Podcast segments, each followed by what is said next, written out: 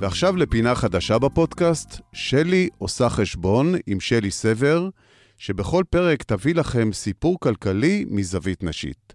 שלי, בבקשה. היי לכולם, אני שלי סבר, יועצת אסטרטגית למיתוג אישי ועסקי, ושוב אנחנו כאן בפינה, שלי עושה חשבון. והפעם על נשים בעם. שלמה מעוז, הפרשן הכלכלי, טען השבוע במהדורת החדשות כי בעלי העסקים הם בכיינים והרבה יותר מעדינים אותו העובדים השכירים. הוא, כיועץ כלכלי, ממליץ לדאוג להם קודם במציאת פתרונות מימון והלוואות שיעזרו להם לצלוח את המשבר הכלכלי בימי הקורונה. כעצמאית שמנהלת עסק קטנטן, אני מודה שנשרפו לי האוזניים, ובעיקר נשרף לי הלב, כי לעצמאים, ובמיוחד לעצמאיות, אין מי שינגב את הדמעות. רגע לפני שאנחנו שופכים את התינוק עם המים, אספתי כמה נתונים כדי להבהיר את התמונה. נדבר במספרים, לא ברגשות. לפני שנה פרסמה הסוכנות לעסקים קטנים ובינוניים דוח מפורט על מצב העסקים הקטנים והבינוניים בישראל, ואף הוקדש פרק מיוחד ליזמות נשית.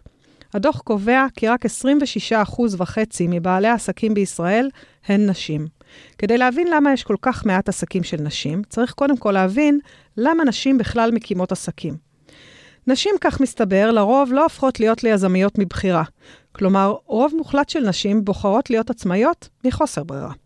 ההחלטה אם להיות שכירה או עצמאית מושפעת לא רק מכישורים תעסוקתיים כמו השכלה, ידע וניסיון, או ממוטיבציה יזמית, אלא, וזה נתון ממש מצער, נשים עדיין בוחרות ביזמות כאשר הן יודעות שהן מה שנקרא מפרנס משלים. כלומר, הן לא באמת יצטרכו לדאוג לכמה הן מרוויחות. רוב הנשים בוחרות בעצמאות כשהן עייפות מעבודה בלתי פוסקת כשכירות ומחוסר איזון בין קריירה למשפחה. ובמה רובן בוחרות לעסוק? כמה לא מפתיע. רובן יפתחו עסק נשי, טיפולי, חינוכי. 74% מהעסקים של נשים בישראל הם עסקים נשיים כאלה, והיכולת להרוויח הרבה בעסק נשי היא יחסית נמוכה. מניסיוני, כמי שמלווה כבר הרבה מאוד שנים עסקים קטנים של נשים, אישה בדרך כלל מקימה עסק מהבית עם מינימום השקעה, והיא תעשה כל מאמץ להימנע מלקחת הלוואה מהבנק. גברים, כשהם פותחים עסק, קודם כל הם ילוו 250 אלף שקל, ואחר כך יתקדמו משם. כבר דיברנו באחד הפרקים הקודמים על פערי השכר בין נשים עצמאיות לגברים עצמאיים, ובכל זאת, למי שעדיין לא הקשיב, עצמאיות בישראל עובדות בממוצע 43% יותר שעות שבועיות לעומת גברים עצמאיים. אבל כשבוחנים את ההכנסה השעתית של עצמאים מול הכנסה של עצמאיות, עצמאיות מרוויחות פחות. 21 פחות. אבל בזה אנחנו יכולות להאשים רק את עצמנו, כי אנחנו קובעות את התמחור. נשים בדרך כלל לא מעסיקות עובדים, והן בדרך כלל מתפעלות עסק קטן, וכל זה למה?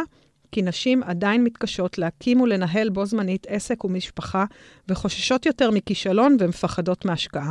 אבל, וזה נתון ממש מעניין בעיניי, כששואלים נשים מה מונע מהן להקים עסק, הייתם נוטים לחשוב שהתשובה תהיה הילדים והבית, אבל לא, התשובה היא שיווק עצמי. כן, נשים הכי מפחדות מלהעיד על עצמן שהן כישרוניות וחכמות וטובות, אפילו מעולות בעבודה שלהן. החלק המשמח הוא שאפשר לנסות לפתור את הפלונטר הזה, ועוד מעט אני אגלה לכם גם למה זה ממש חשוב לשמור עלינו העצמאים, שלא לומר העצמאיות. מכירים את המושג המאוס הזה, העצמה נשית? מסתבר שהוא ממש נחוץ ודרוש, עדיין בימי קורונה בואכה 2021. כן, העצמה נשית עושה את העבודה וגורמת ליותר נשים להאמין בעצמן, ביכולותיהן, בכישרונן, מפחיתה את החשש מכישלון ותורמת להישרדותם של העסקים הקטנים בישראל. הבטחתי שאני אגלה לכם למה חשוב לשמור עלינו העצמאים והעצמאיות, אז הנה זה בא. נשים מהוות כוח מרכזי וחשוב בשוק העבודה בישראל, גם בעסקים קטנים ובינוניים, ואת זה לא אני אמרתי. יש בישראל קצת יותר מחצי מיליון עסקים. 99 אחוזים וחצי מהם הם עסקים קטנים ובינוניים, והם מעסיקים עד 100 עובדים שכירים לעסק. העסקים הקטנים והבינוניים מעסיקים 1.83 מיליון משרות.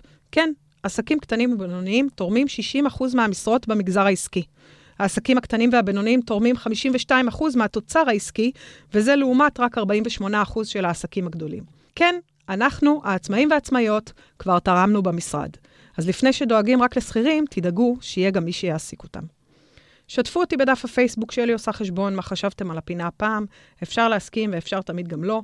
אתם ואתן מוזמנים ומוזמנות להציע לי נושאים לדיון לפעמים הבאות ולשתף אם אהבתם. להתראות, והעיקר, בריאות לכולנו.